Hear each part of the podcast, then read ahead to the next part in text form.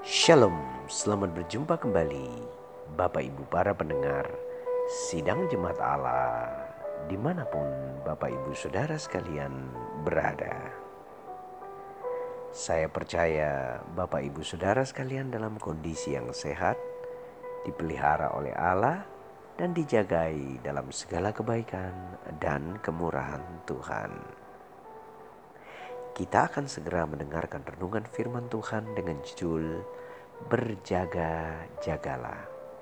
Matius 26 ayat 41 berkata, Berjaga-jagalah dan berdoalah, supaya kamu jangan jatuh ke dalam pencobaan. Roh memang penurut, tetapi daging lemah. Nah, Bapak Ibu, para pendengar yang dikasih oleh Tuhan Yesus Kristus, semua orang pasti sepakat jika kita katakan bahwa pencobaan dialami oleh semua orang tidak terkecuali. Namun, yang menjadi pertanyaan adalah siapa yang membuat kita berada dalam pencobaan. Yakobus menjelaskan bahwa pencobaan itu berasal dari diri kita sendiri. Yakobus pasal 1 ayat 14 sampai 15. Tetapi di sisi lain ada pencobaan berupa ujian. Itu yang diizinkan oleh Allah terjadi dalam kehidupan orang percaya dengan suatu maksud tertentu untuk mendatangkan kebaikan bagi kita. Tetapi bagaimana jika pencobaan itu berasal dari akibat ulah kita sendiri? Ini pertanyaan Bapak Ibu Saudara. Pencobaan berasal daripada iblis. Dia bekerja menggerakkan keinginan kita. Kita ditipu, dan akhirnya kita menyerahkan keinginan kita mengikuti kehendaknya. Ujian berasal dari Allah. Pencobaan tujuannya untuk menjatuhkan kita dalam dosa. Ujian adalah untuk membawa kita lebih dekat kepada Allah. Pencobaan biasanya memang bertujuan untuk menghancurkan kita ujian untuk menguatkan kita. Pencobaan biasanya dimulai dari segala yang nikmat-nikmat, enak-enak, sensasi-sensasi yang luar biasa. Dosa bukankah memberikan semua bentuk hal tersebut? Kenikmatan dunia dan segala bentuk hal-hal yang enak-enak tetapi berujung pada kehancuran, pemutusan hubungan, dan berbagai macam kerusakan.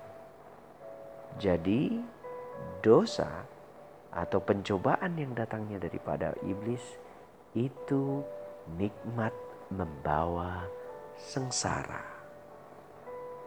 Berbeda dengan ujian, ujian diawali dengan kesusahan tekanan, beban yang berat, pergumulan yang begitu sulit, dan berujung pada kemenangan. Jalan keluar mujizat dan keajaiban Tuhan. Nah, Bapak Ibu para pendengar, bisakah pencobaan dan ujian bersamaan terjadinya? Bisa. Suatu saat Bapak Ibu sedang berjalan Lalu di depan mata Bapak Ibu Saudara ada dompet. Begitu Bapak Ibu mendekat dan mengambilnya, dompet itu berisi duit 10 juta. Apa yang Bapak Ibu akan lakukan?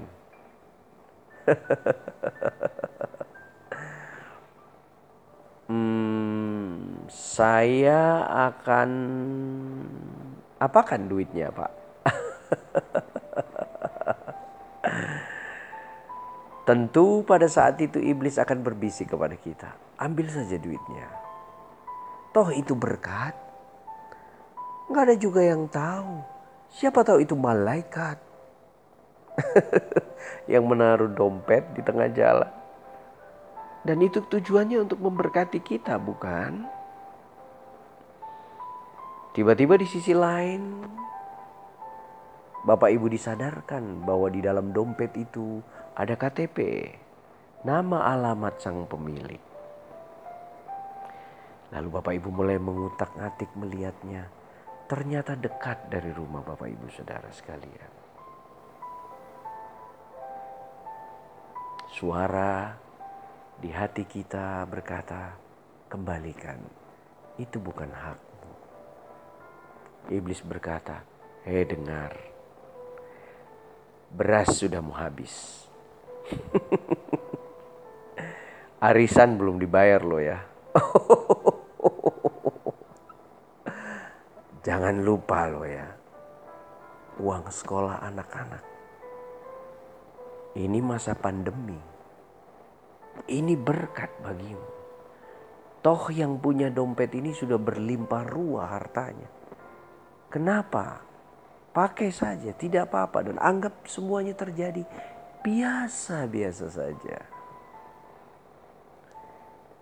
Hati kita berkata, ingat anakku, pemeliharaanmu bukan dari dompet itu, tapi dari Tuhan. Nah, Bapak Ibu Saudara, dapat dikatakan bahwa pencobaan dan ujian dapat bekerja bersamaan. Pada saat pencobaan dari kacamata iblis itu tujuannya untuk menjatuhkan kita. Dan kalau ada ujian, kita melihat dari kacamata Allah ini untuk membangun iman kita.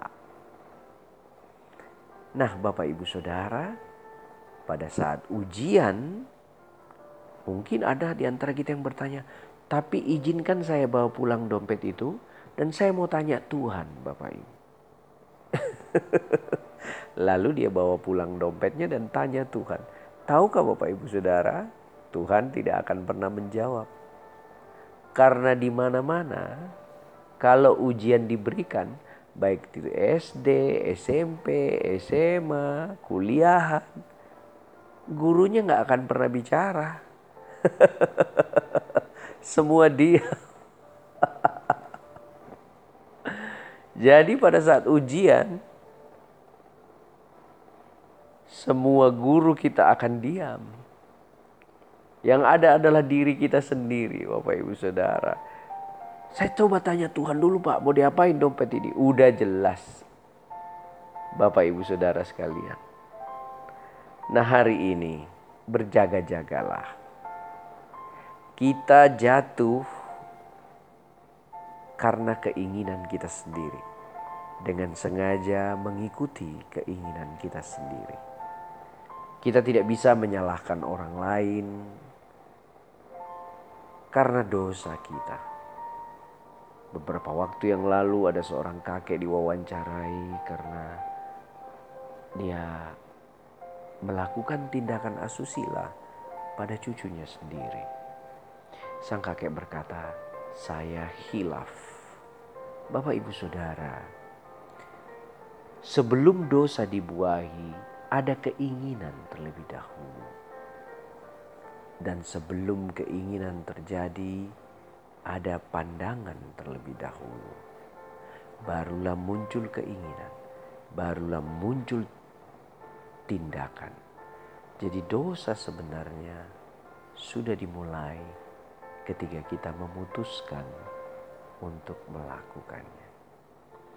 Nah, Bapak Ibu Saudara, itulah gunanya Tuhan berkata, berjaga-jagalah. Roh memang penurut, tapi daging kita lemah. Nah, apakah yang dimaksud berjaga-jaga di sini?